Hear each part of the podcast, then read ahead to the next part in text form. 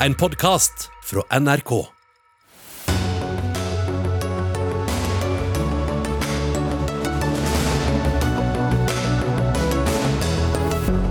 Bonusfest for offentlig ansatte er usmakelig, hevder sjef for rådgivningsfirma. Han aner ikke hva han snakker om, svarer tillitsvalgt i Vegvesenet, som selv får 5000 kroner ekstra til jul. Fotballmagasinet Josimar er dømt for brudd på kildevernet. Det protesterer de på, og advarer mot skadelige konsekvenser av et absolutt kildevern for pressen. Praktbygg i Norge kan bli svenske når staten selger Entra-aksjer. Nasjonalbiblioteket ofres på markedsliberalismens alter, mener SV. Og kristne privatskoler i Norge følges ikke godt nok opp, skal vi tro Arbeiderpartiet. Vel møtt til fredagsutgaven av Dagsnytt 18, som også skal handle om behovet for en krisepakke til utelivsbransjen. Og så skal vi til den årlige Black Friday-debatten, som akkurat i år skiller seg litt ut. Jeg heter Sigrid Solund. 200 000 nordmenn er helt eller delvis arbeidsledige. Mange frykter for jobben, for helsa, for bedriften og for framtida. Milliarder av statlige kroner går med til å bekjempe konsekvensene av smitteverntiltakene. Oppi alt dette har eh, noen offentlige institusjoner i år valgt å gi bonus til sine ansatte, skriver du i en kronikk i Dagens Næringsliv, og kaller det en usmakelig bonusfest. Ole Kristian Apeland, du er administrerende direktør i kommunikasjonsrådgivningsfirmaet Apeland. Hva er det som har skjedd som er så usmakelig? Vi er jo i en krise i Norge, og jeg møter eh, bedrifter og bedriftsledere og ansatte hver dag som sliter veldig. De vet ikke hvordan de skal få endene til å møtes, de må permittere folk. Mange har gjort eh, frivillig eller sånn ulike lønnskutt og sånn for å komme gjennom året, og folk ligger våkne om natten og lurer på hvordan de skal klare å komme gjennom dette. Og så ser vi at uh, offentlige virksomheter, hvor med ansatte som jo har det relativt trygt og godt, unner seg selv bonus. Uh, de på Oslo Met har fått 10 000 kroner hver i bonus, de i Vegvesenet får 5000 kroner hver i bonus. Jeg synes at det er umusikalsk og umoralsk og lite solidarisk å unne seg så mye penger i en sånn situasjon. Mm. Inger Sigrines, du er hovedtillitsvalgt for 900 medlemmer i NTL i Statens vegvesen. Du da sammen med 4800 kolleger får altså 5000 kroner brutto ekstra på desemberlønninga. Usmakelig, sier Apeland. Hva sier du? Jeg syns jo at det usmakelige her, det er jo eh, direktøren Apeland som eh, uttaler seg om forhold han åpenbart mindre, er mindre opplyst om. For det er ikke sånn at vi har fått 5000 eh, kroner som noe julegratiale. Og det er heller ikke sånn at vi har fått 5000 kroner pga. covid-19-smitten. Bakgrunnen for at vi har fått 5000 kroner, det er den ekstreme situasjonen som alle ansatte, og ikke minst ledelsen, har baksa med, det siste, særlig det siste året i Statens vegvesen. Eh, Stortinget vedtok jo, holdt på å si dessverre, regionreformen. Og Dermed så var det ca. 1500 tilsatte som eh, måtte forlate sine arbeidsplasser i Statens vegvesen. Det var tidligere i år. Så eh, skjedde det at det var fullstendig krav fra departementet om både omstilling og omorganisering mange hundre arbeidsplasser ute av Oslo, og jeg kan remse opp, lista er veldig lang. Eh, så på våren så satt vi tillitsvalgte sammen med ledelsen og måtte se på hvor vi skulle kutte. Det var helt åpenbart for oss at vi måtte kutte flere hundre årsverk. Eh, men spørsmålet var jo hvor det kunne kuttes med minst mulig smerte. Og mens vi satt og studerte på det, og uroen bredde seg i organisasjonen, så føyk jo våre kompetente medarbeidere ut døra. Eh, til langt høyere betalte lønninger, bl.a. i konsulentbransjen. Eh, og Det førte jo til at når høsten kom, så var overtallighetsproblematikken snudd fullstendig på hodet. Og vi satt da og måtte kjempe som løver for å beholde den kompetansen som vi er helt avhengig av å ha for å kunne levere på det samfunnsoppdraget som vi har så eh, skjer jo det da at eh, eh, både ledelsen er fortvila, de ansatte er fortvila, og uroen brer seg, misnøyen brer seg. Flere og flere begynner å lese stillingsannonser.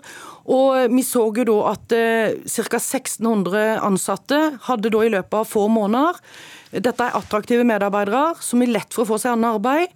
Og bang, så var de ute av døra.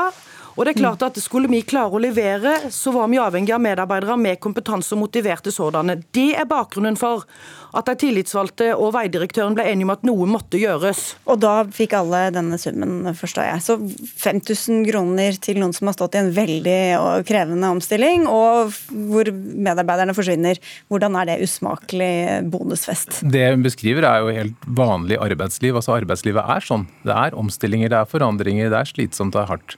Og det øh, syns alle kan være ubehagelig, men de har det ikke noe vanskeligere de enn alle andre. Er, de, aller fleste, de har det faktisk bedre enn alle andre. for stort sett så er det trygge, gode arbeidsplasser. Men Hvis det var det som skulle til for å få folk til å bli i jobben, da? Jeg tror ikke det er det som er lagt Jeg tror man har et greit lønnssystem i, i, staten generelt som gjør at man klarer å holde på medarbeidere. Ellers er det en sak som man kan ta i, i lønnsoppgjør. Jeg tror eh, sånn som Jeg er forundret over, over um, Særlig Oslo Met, da, som, større, som, ikke har den samme prosessen, men som, og som dessverre ikke er her heller. Men hvor man har uh, bare funnet ut at uh, man skal gi 10 000 kroner til alle ansatte i en sånn situasjon hvor jo, jeg, jeg, jeg kan bare si, Siden de ikke er her, de hadde ikke anledning til å, å delta, men de sier at de hadde kjørt eh, et helt eh, vanlig og normalt lønnsoppgjør i forhandlinger med fagforeningene, hvor dette da var en del av det. Men det er, dårlig, det er, et veldig dårlig signal å gi i en tid hvor landet er i krise, og hvor man har sagt at det skal være dugnad, det skal være moderasjon, man har et lavt lønnsoppgjør.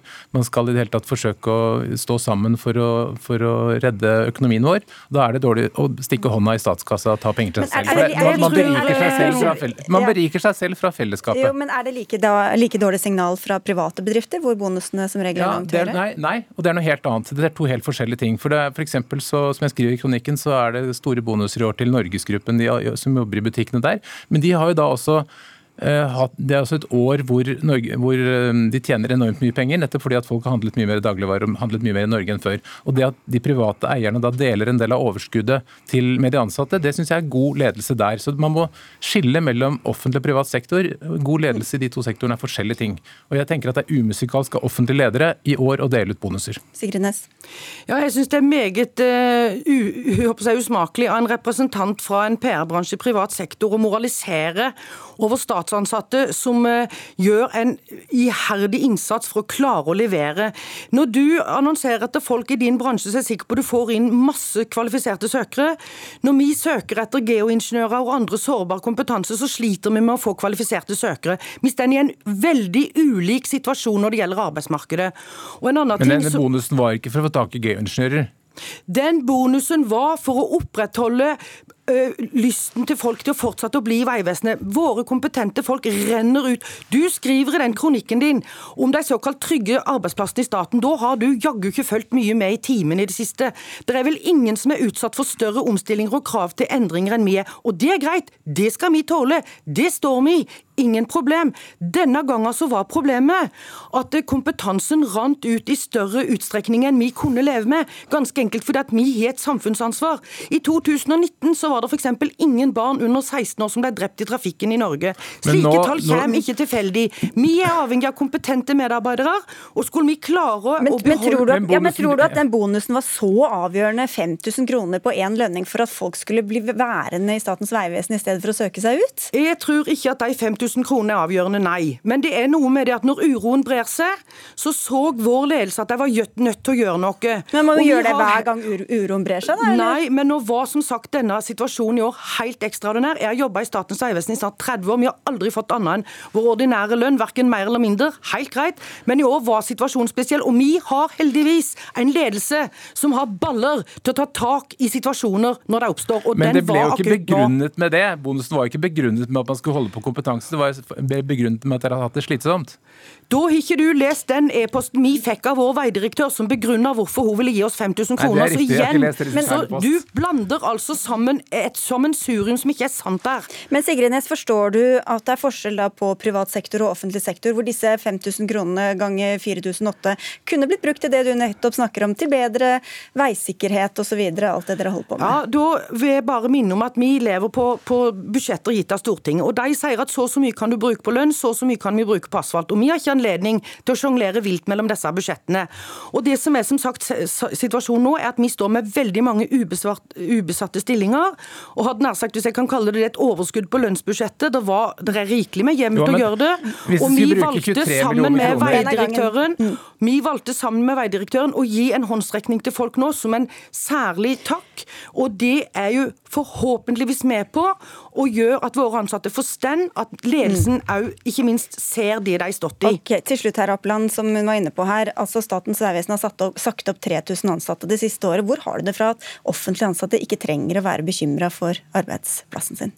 Generelt så har offentlige ansatte et bedre eh, stillingsvern enn det private har. Og jeg tenker at Hvis utfordringen hennes var å holde på, eller få tak i nøkkelkompetanse, så kunne man brukt 23 millioner litt mer målrettet enn å spre det ut på 5000 på hver, hvis det var det som var poenget. Men det var ikke slik de begrunnet det da de ga det. Ja, Du fremstår som en rådgiver, men rådene dine er meget dårlige, for du kjenner ikke sakens faktiske forhold. Og Det gjenspeiler seg i den kronikken òg. Du preker om 6500 ansatte med 4008. Du preker om trygge arbeidsplasser. Det er fra deres websider, da. dere, jeg tror ikke vi kommer så mye lenger her. Jeg vil få si eh, takk til dere begge for at dere tok turen til Dagsnytt 18 en fredag kveld. Ole Kristian Apeland, administrerende direktør i Apeland, og Inger, Inger eh, Sigrines, hovedtillitsvalgt i NTL ved Statens vegvesen.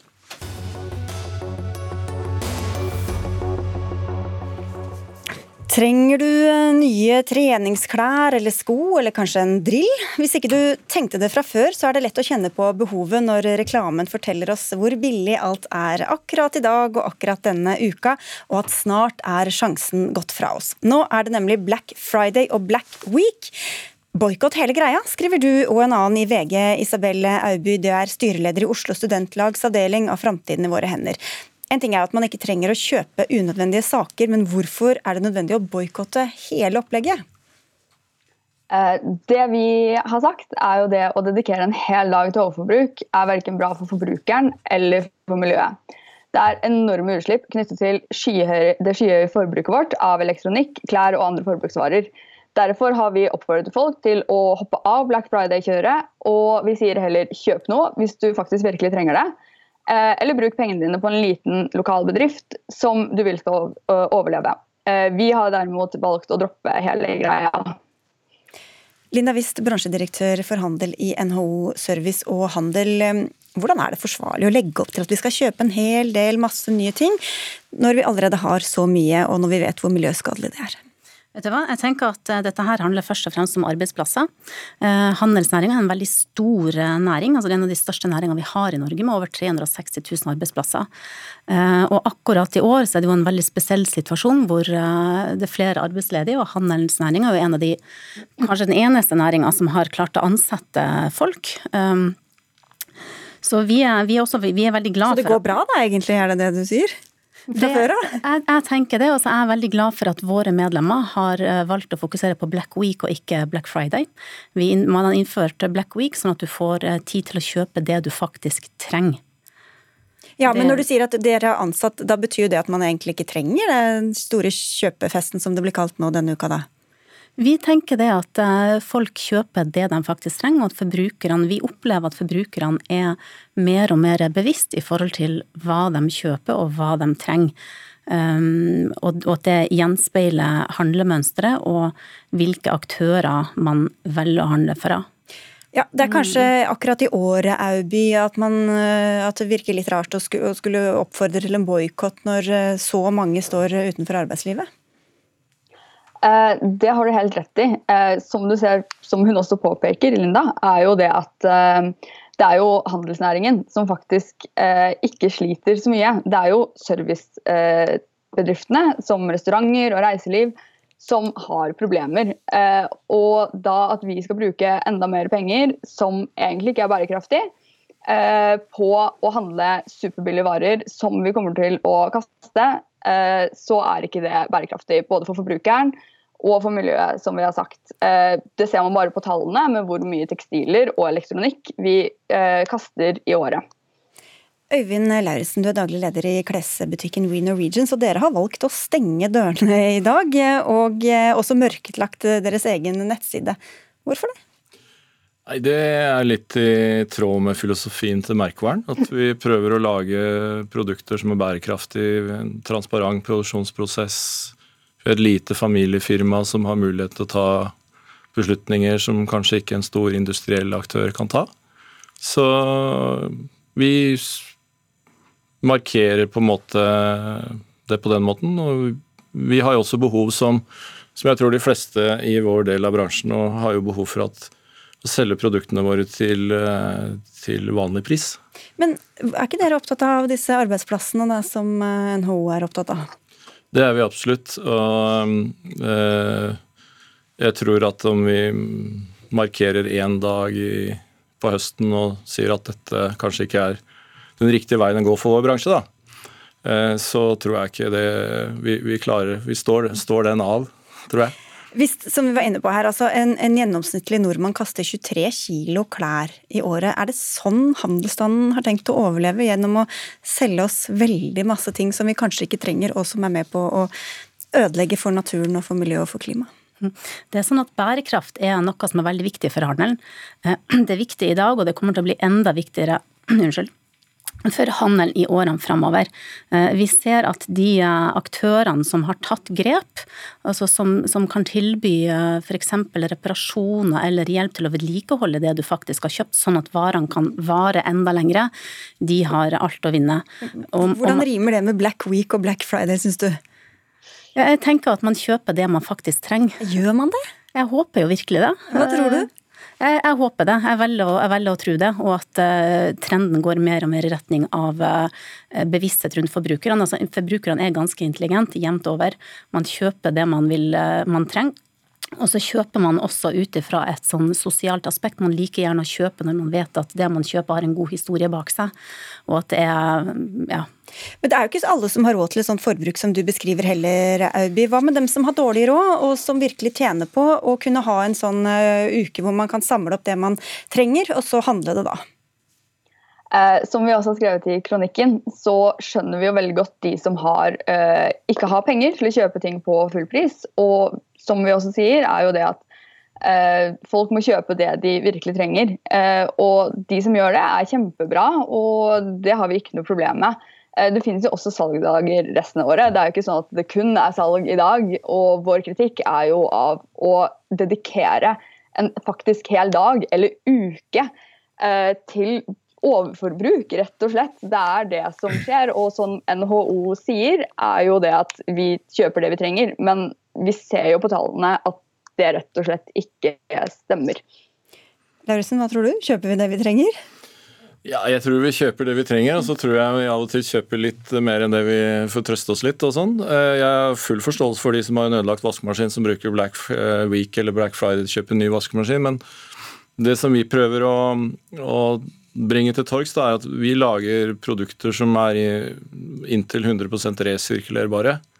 Eh, og er laget av naturmaterialer. så Derfor koster oss produktene våre litt mer. Um, og jeg tror at uh, våre, våre, fans da, de, de, er veldig bevisste på hva de kjøper. Og, men Det er jo greit hvis man på en måte har råd til å ta den investeringa. Men hvis man har to, tre, fire barn som stadig vokser ut av det de har, så er det ikke så lett å investere i ett plagg i stedet for å stadig måtte kjøpe nye. Nei, da kan de gjøre sånn som vi gjorde forrige gang det var Black Friday. Da hadde vi butikken åpen og reparerte plagg for folk. Så det, det, er litt sånn hvordan du velger det. Jeg tror det går an å kjøpe fast fashion som eh, ikke holder så lenge, og så går det an å kjøpe ting som varer lenge. og da, da blir det billigere i lengden allikevel.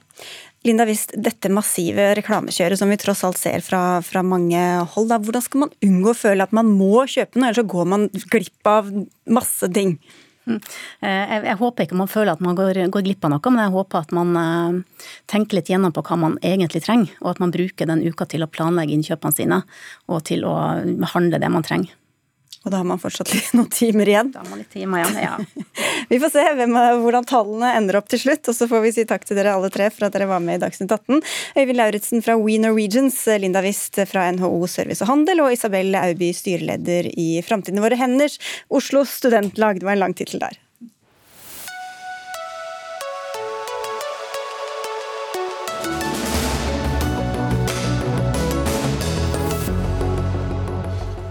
Mange har sett NRK Brennpunkts dokumentar om skolene til eh, Guds menighet i Lofoten denne uka. Dokumentaren beskriver et skolemiljø med et eh, strengt kristent eh, livssyn, og der elevene helst ikke skal ha kontakt med andre barn utenfra. Det er også kommet flust med reaksjoner, bl.a. fra deg, Torstein Tvedt Solberg. Du er utdanningspolitisk talsperson for Arbeiderpartiet, og du etterlyser oppfølging fra myndighetene. Hvis vi begynner akkurat med dette tilfellet, hva er det du savner da? Nei, Jeg ble jo veldig sjokkert og opprørt av det som kom fram i eh, dokumentaren. Og spesielt de historiene fra de barna som har gått på denne skolen og nå eh, brutt med den. Det virker det som det foregår veldig eh, negativ sosial kontroll, isolering og inndeling i et veldig lite lokalsamfunn. Så For meg så virker det rett og slett som om barns grunnleggende rettigheter her har blitt brutt. Så nå forventer jeg jo at regjeringen tar disse avsløringene på alvor, og sånn sett tar grep eh, med den, med den informasjonen og de bekymringene vi nå har eh, fått. Skolene det gjelder er jo ikke enig i denne beskrivelsen. Vi har tilbudt rektorene ved begge to uh, å komme, men de takket nei. Rektor ved Ørsnes privatskole, Kjell Viktor Kristiansen, sier at de avviser kritikken mot skolen. Han sier at de følger regelverket, og avviser at barn blir isolert fra resten av samfunnet. Statssekretær i Kunnskapsdepartementet Grunde Almeland, hvordan forholder departementet seg til kritikken som er rettet mot disse skolene? Nei, Først og fremst så tar vi denne type bekymringsmeldinger som også kom opp i denne saken, svært alvorlig. Så er det sånn at Vi har et uh, utdanningsdirektorat som er tilsynsmyndighet, som skal sørge for at skolene opererer i tråd med loven og den godkjenningen de faktisk har. Uh, I dette tilfellet så er det opprettet et tilsyn. Det ble opprettet allerede i mars i år. og Det tilsynet er altså pågående nå, der man i første runde har hatt skrift, et skriftlig tilsyn, og så har man fått tilbake en redegjørelse fra Eh, skolene. Og så blir det opp til Utdanningsdirektoratet nå som tilsynsmyndighet å vurdere hva som er videre neste steg. Og så det som har skjedd siden mars, er at noen har sendt et skriftlig tilsyn, og så har det kommet et svar? Det som har skjedd siden mars, er jo at Utdanningsdirektoratet som tilsynsmyndighet har gått gjennom de bekymringsmeldingene som kom, og fulgt dette opp på, på, en god måte. Det har vi tillit til. Og sørger for at uh, man gjør det man trengs for å få de forberedelsene for å komme til bunns i saken. Og et av de alternativene som ligger på bordet også som tilsynsmyndighet, er om man skal være til stede og ha det man kaller et stedlig tilsyn, altså faktisk dra opp og være der. Men dette er det altså Utdanningsdirektoratet som tilsynsmyndighet som har ansvaret for å følge opp. Ja, Er du fornøyd da, Solberg?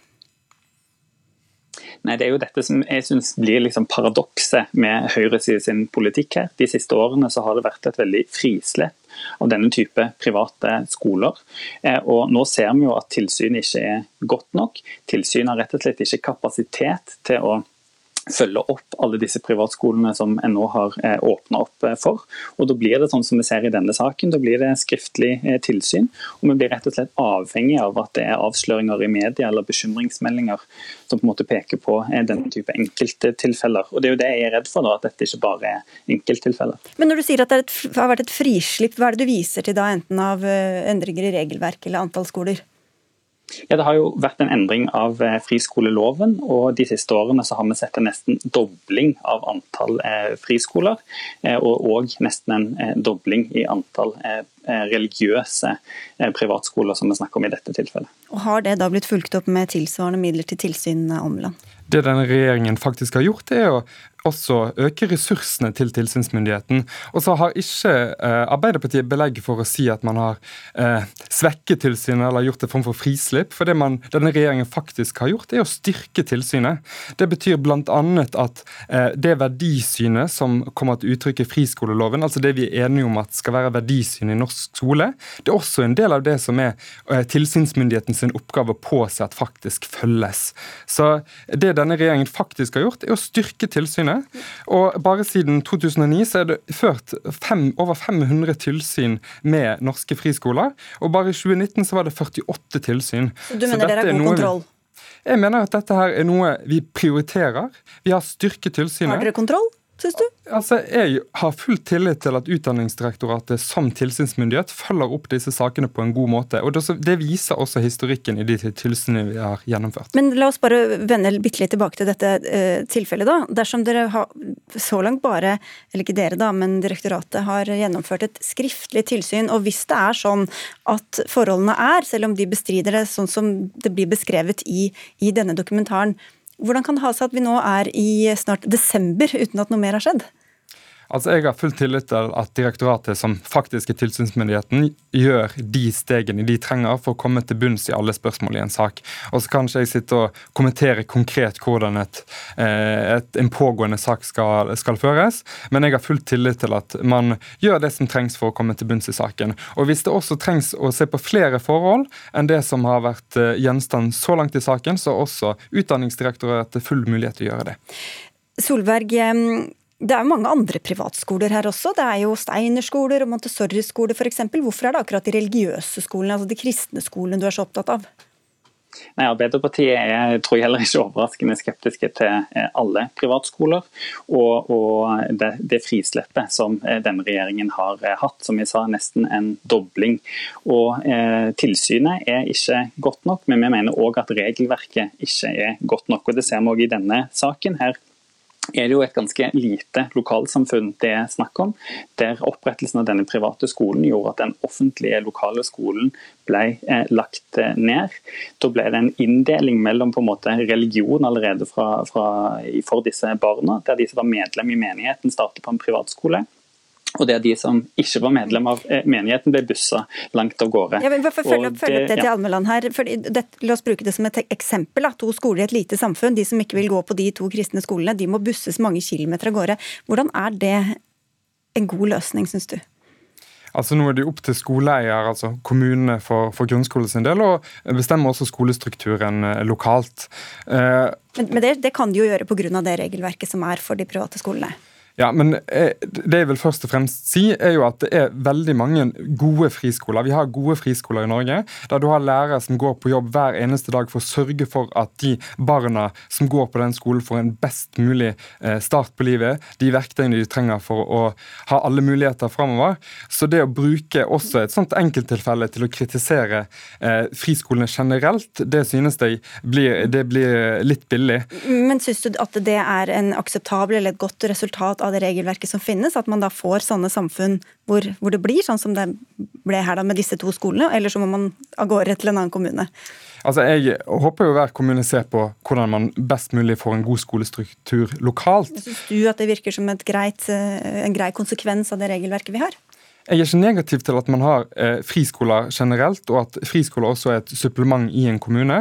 For jeg tror en god friskole kan, være, kan gi et godt tilbud også lokalt. Ja, men syns du det er greit at når det i realiteten liksom blir den eneste løsningen, med mindre man vil busses langt av gårde? Altså, Det er opp til hver kommune å se på hvordan det skoletilbudet løses godt. Jeg håper jo at uh, man klarer å gjennomføre uh, en god skolestruktur som gjør at det er et godt og variert tilbud for folk lokalt, som ikke gjør at de trenger å reise altfor langt. Også. Og For mange så er jo alternativet at egentlig alle må reise langt, uh, Solberg. Og Hvilke belegg har du egentlig for å være så skeptisk til disse skolene som det du sier Arbeiderpartiet er? Nei, sin skepsis til private skoler på denne måten er jo fordi nettopp en skille skiller inn på bakgrunn av eh, religion og, og ulik type, eh, type, bakgrunn. Vi er opptatt av å heller styrke den gode offentlige fellesskolen. Og Det er jo heller ikke riktig som Almeland her sier, at det er opp til hver enkelt kommune. Denne regjeringen med sin ideologi har til og med overprøvd veldig mange kommuner der de ikke har ønska at det skal opprettes en eh, privatskole i sin kommune. Flere og religiøse privatskoler, der en i kommunen har sagt nei, det vil ødelegge vår skolestruktur.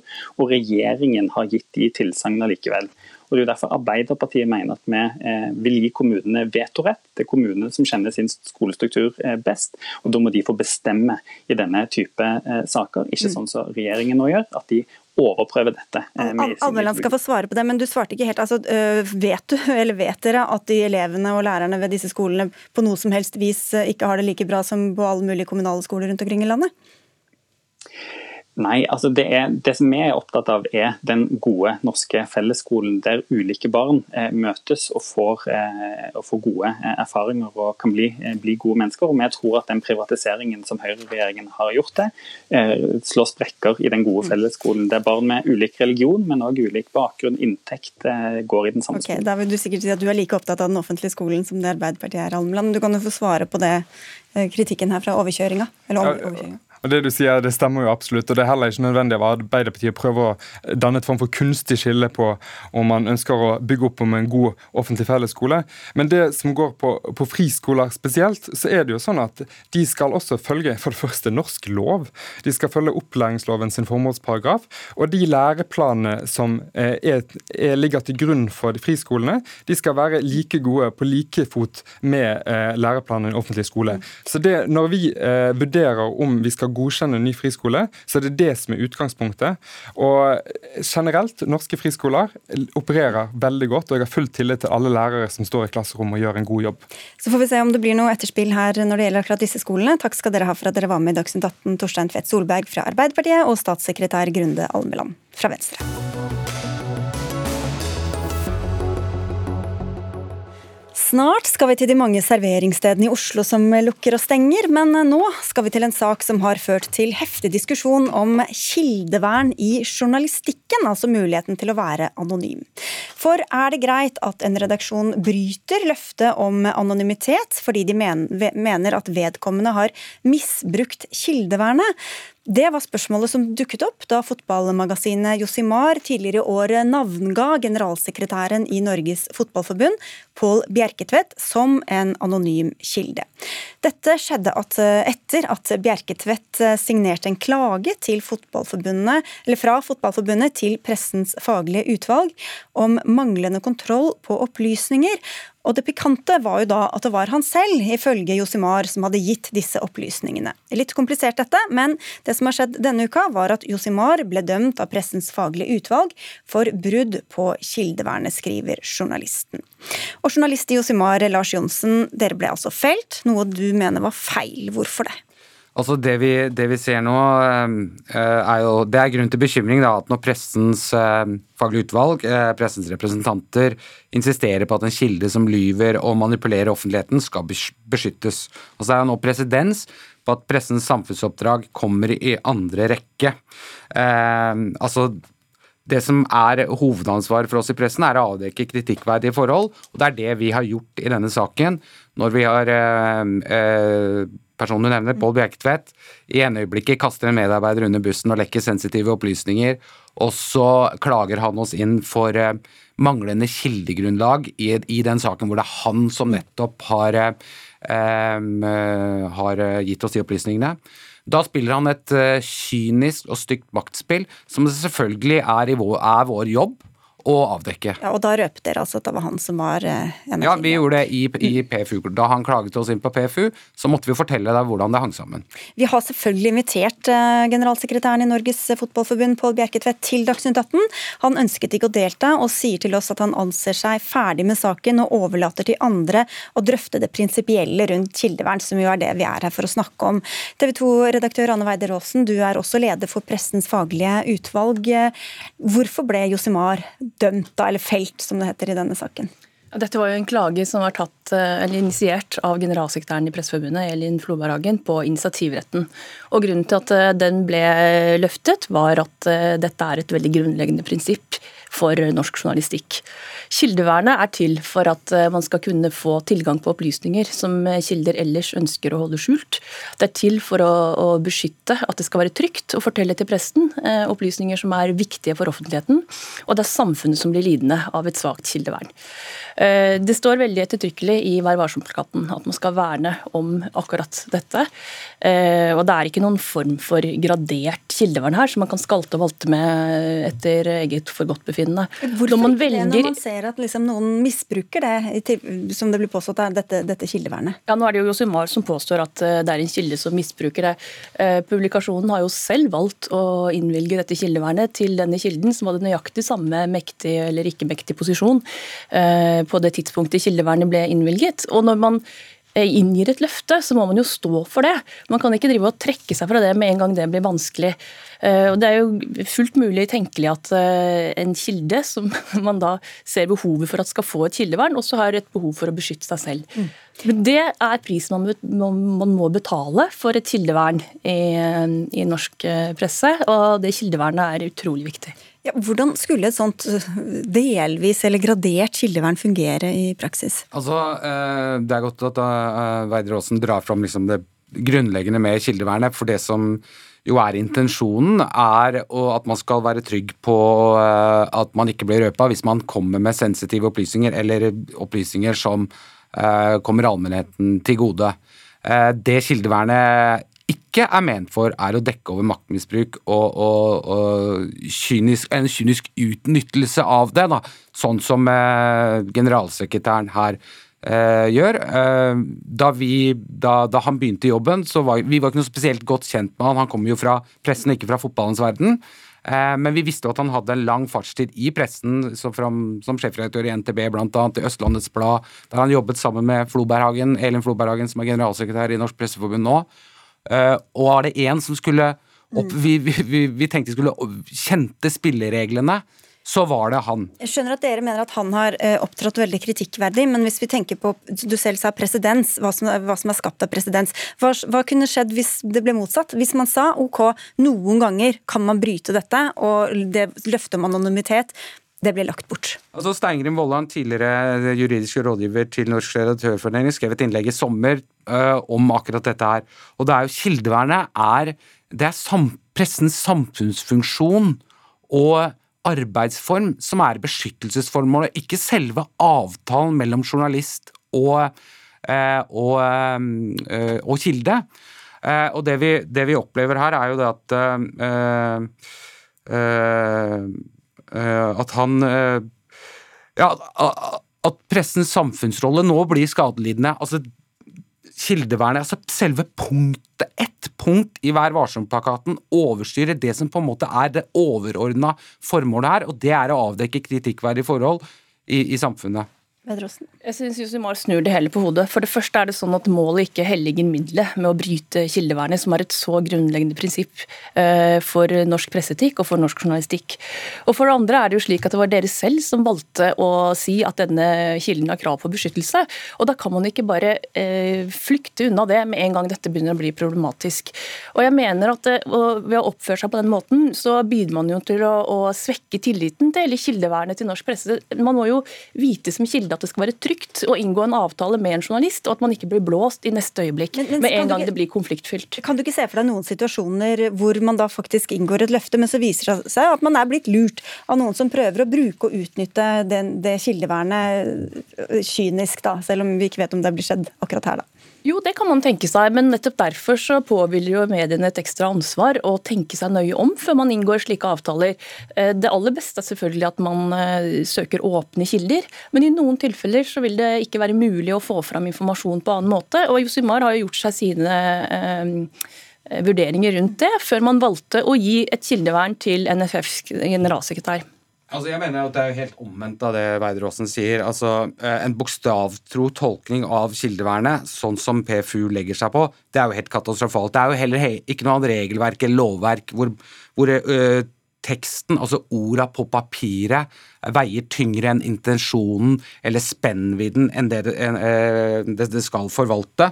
Altså Troverdigheten nå er jo sånn at nå, nå, jo, nå kan man med loven i hånd, eller Vær varsom-plakaten i hånd, slå fast at uh, uansett hva man sier og gjør, så er man beskytta av, uh, av, kildevernet. Og dette er ikke noe sånn Jossimar-praksis. Dette har New York Times, dette gjør Washington Post, The Guardian. Dette er fordi at vi lever i en verden hvor det er altså enhver organisasjon Norges mm. Fotballforbund blant dem har en armada av PR-rådgivere og flere ledd bak seg. Det er mye spinn som foregår, ja. og da er man eh, da er det litt Vi er litt eh, vi er et annet sted nå enn der eh, den gangen. Ja, altså det er intensjonen her som blir, liksom forsvinner til fordel for det bokstavtro, da? Det er mye, helt riktig at det er mye spinn som foregår, og det gjelder mektige kilder, enten de befinner seg i Fotballforbundet eller andre steder. Men det man må søke som journalist og, og medium da, er jo å avdekke dette maktspillet, men man må gjøre det på andre måter enn å bryte kildevernet. For i det du gjør det, så, så svekker du tilliten til hele norsk presse. Hvorfor skal folk stole på dere i Josimar? Hvorfor skal noen komme med informasjon som man blir lovet et vern om, og så brytes det med en gang dette blir vanskelig? Men når man forholder seg til mektige kilder, så må man regne med at de også kanskje går ut offentlig mot det som har kommet fram.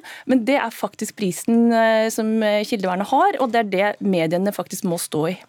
Sånn, ja, du får få to ja, sekunder. Vi kommer til å fortsette å avdekke maktmisbruk og oppfylle samfunnsoppdraget mitt hver eneste, hver eneste dag. Vi, så. så får vi se hvordan det går med kildetilfanget. Takk skal dere ha. Det er ikke noe problem. Begge to. Lars Johnsen og Anne Weider Aasen, takk for at dere kom.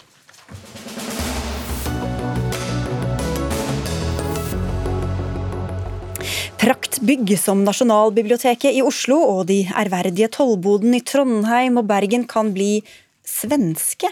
For nå godtar regjeringa å selge ut statens eierandel i eiendomsselskapet Entra for 2,5 milliarder kroner. I tillegg til Nasjonalbiblioteket eier selskapet 89 andre bygg, som ble skilt ut fra Statsbygg i 2000 og børsnotert i år 2014. Nå kjemper de svenske eiendomsgigantene SBB og Castellum om kontrollen over Entra, og dermed over disse norske byggene. Og hvorfor skal vi overlate viktige norske bygninger til Sverige, næringsminister Iselin Nybø? Ja, vi har eh, hatt en eierandel på litt over 8 eh, i Entra. Eh, og Den har vi valgt å selge nå for 2,5 milliard eh, kroner. Grunnen til det er fordi at eh, og, og vi har vært tydelige på det hele veien. altså Fra den rød-grønne regjeringen planla å legge Entra på børs og selge seg ned, så er det fordi at staten ikke har noen begrunnelse eh, i å eie det selskapet utover mest mulig avkastning over tid. Mm, en, en, en god begrunnelse kan jo være å tjene penger på det. da. I fjor ble det solgt disse aksjene for rundt 2,4 milliarder kroner, og i dag ville de hatt en verdi på over 1 milliard mer. Hvordan vet du at ikke dette kunne vært eh, gode inntekter og god butikk i lang tid framover? Ja, Det er alltid sånne vurderinger man må gjøre når, eh, når vi velger å selge oss ned og selge oss ut. og Det har vi òg gjort eh, i dette tilfellet. Vi har fått en veldig god pris. Eh, og Det er 2,5 milliard kroner vi får for, for, dette salget. Men når det gjelder disse eiendommene, så er det riktig at her ligger det mange ulike typer eiendommer. Det er kontorbygg, det er kulturbygg, det er andre typer bygg. Noen av disse byggene, bl.a. Nasjonalbiblioteket, er òg bygg som vi har en tilbakekjøpsrett på. Sånn at hvis vi ønsker å gå inn og kjøpe bygget til, markedspris, så har vi anledning eh, til det ved en senere anledning. Mm. Jeg vet ikke mange, hva, hva, den markedsprisen ville vært, eller hvor mange som ville stått i kø for å kjøpe der, men Torgeir Knag Fylkesnes, nestleder i SV, du sier til Klassekampen i dag at Nasjonalbiblioteket ofres på markedsliberalismens eh, alter. Hva legger du i det? Ja, Det er veldig vanskelig å forstå hvorfor man har valgt å gjøre dette. her. Det er for det første dårlig eh, forvaltning av eh, fellesskapets eh, verdier og penger. Altså, Dette er et selskap som har økt og økt i verdi, og kommer antakeligvis til å øke i verdi i fremtida også. Men så velger man av rent ideologiske grunner å selge seg helt ut når dette kunne vært gode inntekter. Men så er det jo også den mer sånn prinsipielle problemet i dette. Her Altså her har vi alle sammen, eh, gjennom å betale skatt, gjennom å betale avgifter, finansiert bygginga av disse eh, bygga.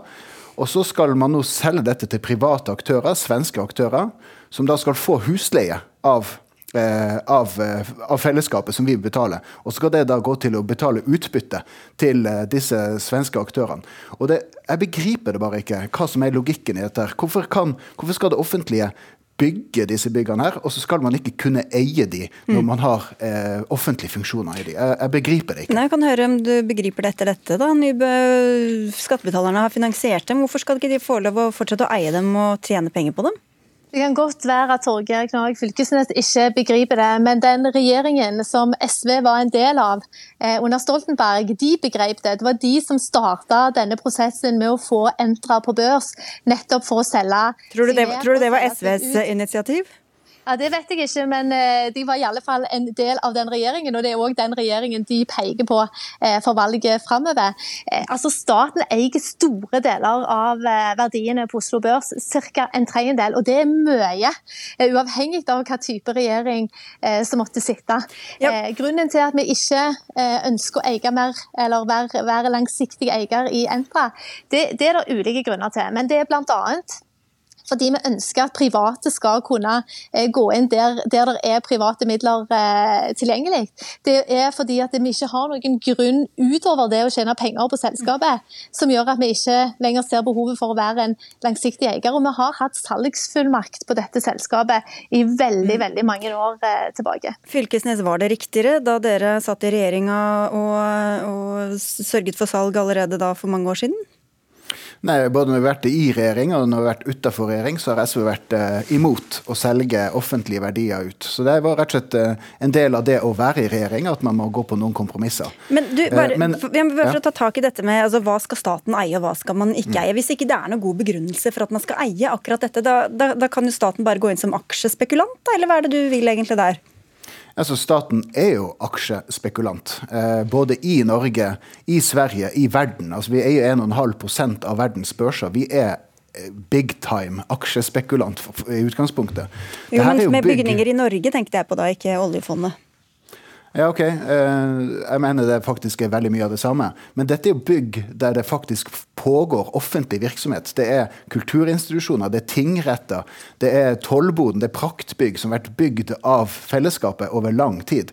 Og da syns jeg det er utrolig spinkel argumentasjon fra næringsministeren å bare peke på ja, men dette skjedde jo før, i den rød-grønne regjeringa. Da må det jo være helt greit at vi gjør det nå. For hun må ha en selvstendig begrunnelse for hvorfor man skal selge fellesskapets verdier på billigsalg på denne måten, eh, til svenske aktører, der huslige skal gå og betale utbytte til, eh, til svenske eiendomsinvestorer. Det er, Jeg tror ingen forstår hvorfor man skal drive på å selge fellesskapets verdier som har vært bygd opp Ja, det, ut av landet. det å skulle tjene penger på det, Nybø, hvorfor er ikke det god nok grunn til å beholde det? Det er jo akkurat det vi gjør nå. Vi tjener gode penger på det. Vi har gjennomført et, eh, jeg vil si et veldig godt eh, salg, og 2,5 milliard kroner har vi fått for de aksjene vi hadde, som var altså 8,2 Men det er jo en engangssum, og her kunne man jo sett for seg masse leieinntekter i mange, mange år framover. Og vi har jo òg tjent eh, penger på dette selskapet tidligere. Men vi eier altså 8, eller eide 8,2% av dette selskapet. Det er en veldig liten eh, andel av totalen. Eh, Det gjør at vi sitter i en posisjon der vi ikke anser det for å være eh, altså et langsiktig eierskap. Det, det ble gjort en vurdering den gang i 2014 når man gikk på børs. Hvilke eiendommer som skulle ligge inne i dette selskapet. Hvilke eiendommer vi hadde et behov for å ha en tilbakekjøpsrett til. Det har vi sikra oss. De tilbakekjøpsrettighetene på viktige eiendommer som f.eks. Nasjonalbiblioteket, de, de gjelder fortsatt. Men hva, hva skal til for å bruke den, da? Når er det du ser for deg at man kan kjøpe tilbake Nasjonalbiblioteket? Altså, jeg ser ikke for meg at vi nødvendigvis trenger det. Altså, Nasjonalbiblioteket eller de andre eiendommene som ligger i Entra, de kommer ikke til å bevege seg en meter fra der de ligger i dag. Vi leier, vi leier i dag eh, til markedspris, det vil vi fortsette å gjøre, men vi har sikret oss den muligheten i tilfelle vi en gang i framtida skulle ha behov for å gå inn og kjøpe det bygget tilbake. Hvordan vet du at ikke dette var et veldig godt salg, da, Fylkesnes, for penger inn i skattekassa? Nei, Vi vet jo at det salget som eh, denne regjeringa gjorde i fjor, der de solgte for eh, 2,5 milliarder, var et elendig salg. Fordi at eh, verdien på selskapet har jo økt med over 30 Eh, Så vi, vi har rett og slett tapt en milliard hvis vi hadde solgt det i år. Dessuten så er jo dette her eh, altså Staten vi trenger jo ikke kapital. Vi, altså staten er, har masse kapital. Det vi trenger fremover, og som denne regjeringa har jo snakka om på inn- og utpust, er at vi trenger inntekter. Og Da er det jo veldig pussig at man legger til rette for at private aktører skal kunne tjene penger i enda større grad fra offentlig virksomhet, der vi skal betale husleie og det, alt det jeg sa i stad. Det, det er rett og slett ubegripelig dårlig forvalta eh, måte å, å forvalte våre felles verdier. Du skal få 20 Også- og- sekunder til slutt her, Nibbe. Ja, for det er klart SV og den rød-grønne regjeringen vet mye om det å tape penger. De gikk jo inn og kjøpte f.eks. Aker, eh, Aker-selskapene, det og det er ikke god butikk. Nei, okay. Men Det viser bare at jo. staten taper. Staten vinner. Det salget vi har gjort nå, er et godt salg. eh, Og det er godt for skattebetalerne å ha fått inn 2,5 milliard kroner i kassen. Vi ses neste år. Sier takk til deg, Torgeir Knag Fylkesnes fra SV, og bli med videre, Iselin Nybø.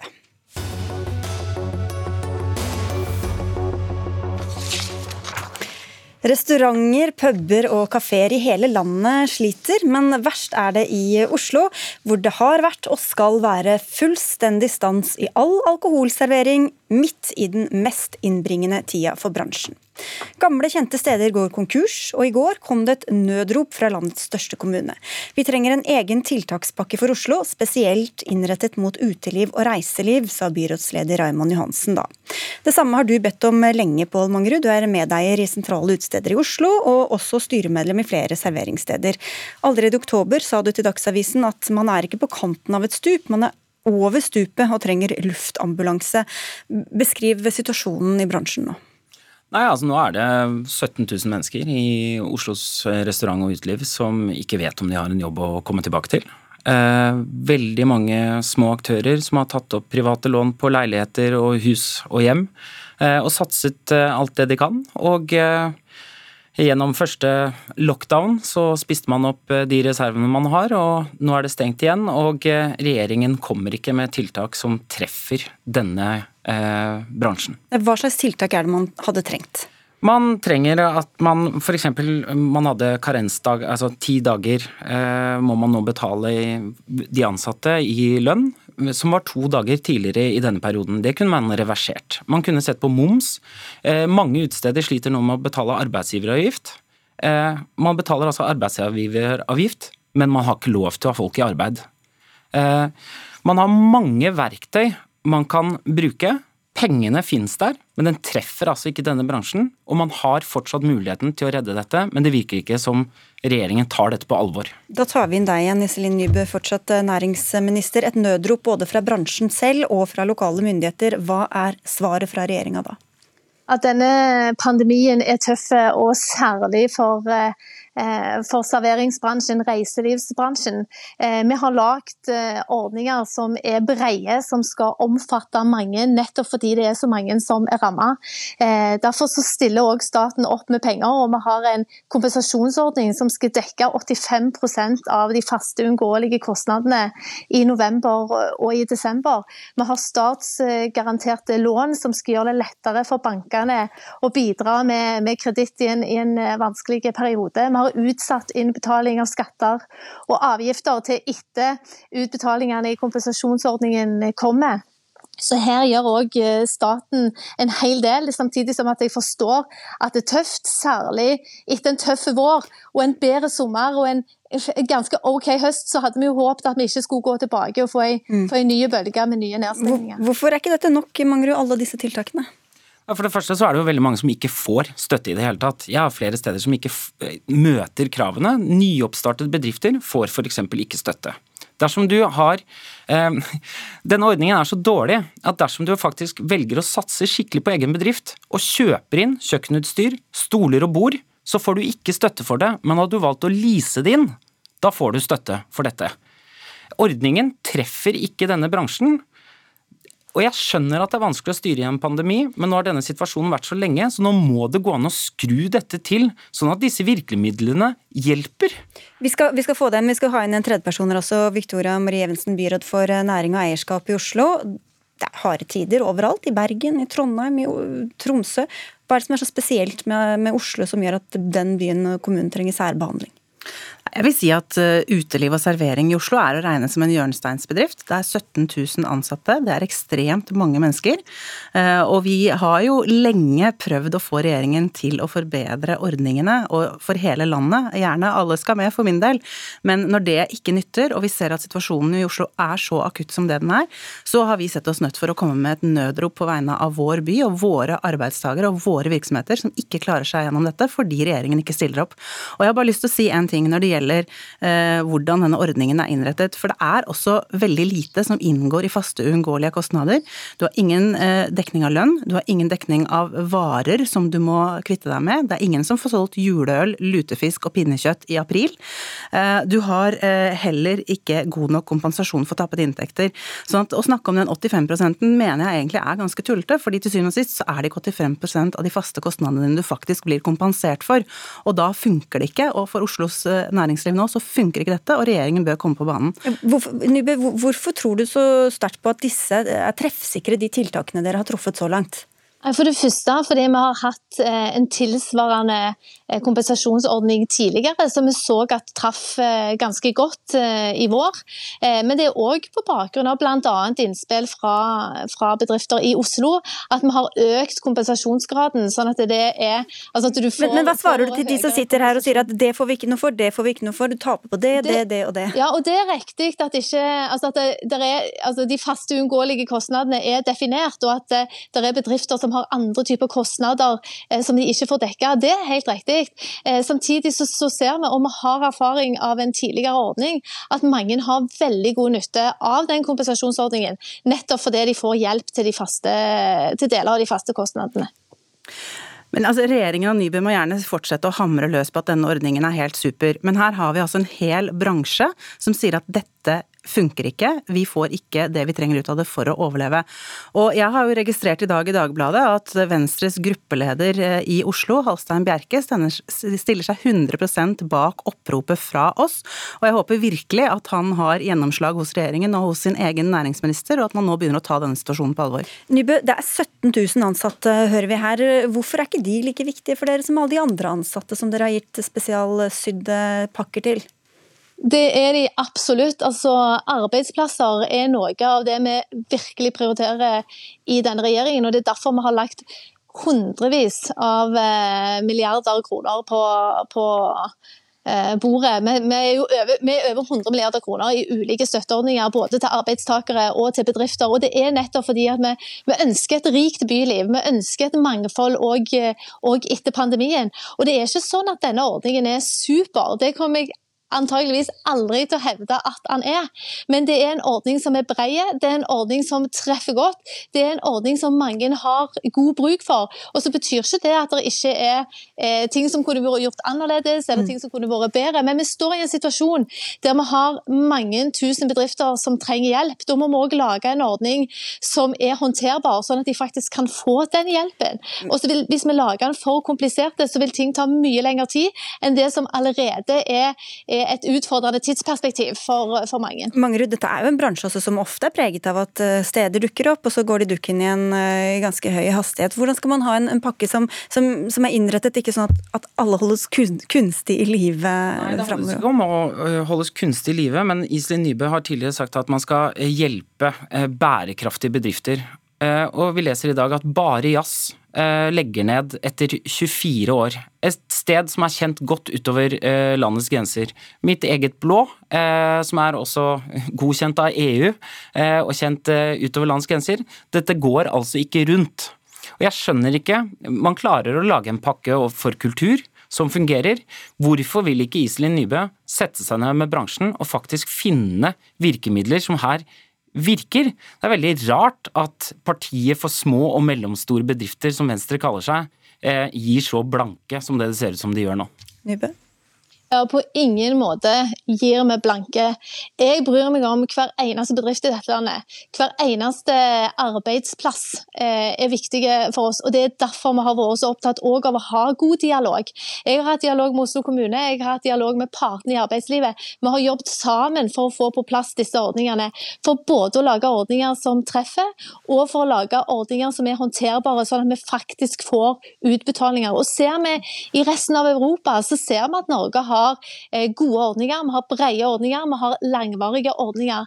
Så jeg, eh, jeg, er absolutt eh, opptatt av at vi skal hjelpe bedriftene gjennom dette her. Men det er en veldig krevende situasjon, og det har jeg stor forståelse for at det er. Victoria Evensen, det er jo også pga. de spesielt strenge tiltakene i Oslo at dette rammer hovedstaden sterkest. Da. Hva gjør dere for å bøte på tiltakene? Jeg vil jo først starte med å si at dette er jo en dugnad, og jeg opplever jo at vi i Oslo har ekstra strenge tiltak fordi vi har ekstra høy smitte, og at nasjonale myndigheter også har vært veldig opptatt av at vi skal ha særskilt strenge tiltak for å klare å slå dette ned. Og det er eh, våre bedrifter med på. Men vi har gjort det vi kan. Vi har kuttet om eh, bevilgningsgebyret, altså omsetningsavgiften for 2020, og vi har også kommet med tiltak som type gratis leie av gategrunn. Men det er klart at handlingsrommet for en kommune er ganske smalt her, og det har hele tiden vært enighet om at det må være staten som kommer på på banen med pakker som faktisk skal redde næringslivet. Og man får det til for andre bransjer, men man får det ikke til for eh, denne bransjen. Og det er mange måneder siden vi kom med våre innspill, og det går på det samme fortsatt, og vi blir ikke lytta til. Og dette er jo selvfølgelig en bransje som ikke bare de som bor i Oslo har glede av, men også de som eh, kommer hit, eh, eller til, til byen fra både andre steder i Norge og utlandet. Hvor gjenkjennelig tror du det utelivet blir på den andre siden av denne krisa, Mangerud? Jeg tror vi kan komme ut på andre siden med en fryktelig mye kjedeligere hovedstad. Eh, hvor eh, Altså, det regjeringen gjør her, er at man Eh, omvendt Robin Hood, altså de små og mellomstore, de blir borte. Mens det er de rike aktørene som kommer seg gjennom dette. De som er del av store kjeder. Vi kommer til å De små, unike stedene som gjør hovedstaden vår unik, blir byttet ut med Burger King, Starbucks og flere Egon. Og Fine steder, det, men det blir en kjedeligere hovedstad dersom det er det vi skal Hvis du klarer fem sekunder, Nybø, så skal du få det. Ja, jeg ønsker vi skal ha både en hovedstad og andre byer med både Egon Starbucks, men ikke minst alle de små, kule og unike pubene, barene, sjappene der ute. Vi får se om de overlever. Takk skal dere ha alle tre for at dere var med i Dagsnytt 18 som nå er over. Dag Dørum var ansvarlig for sendinga. Helje Svensson hadde det tekniske ansvaret. Mitt navn er Sigrid Solund, og vi ønsker en fin kveld og en god helg.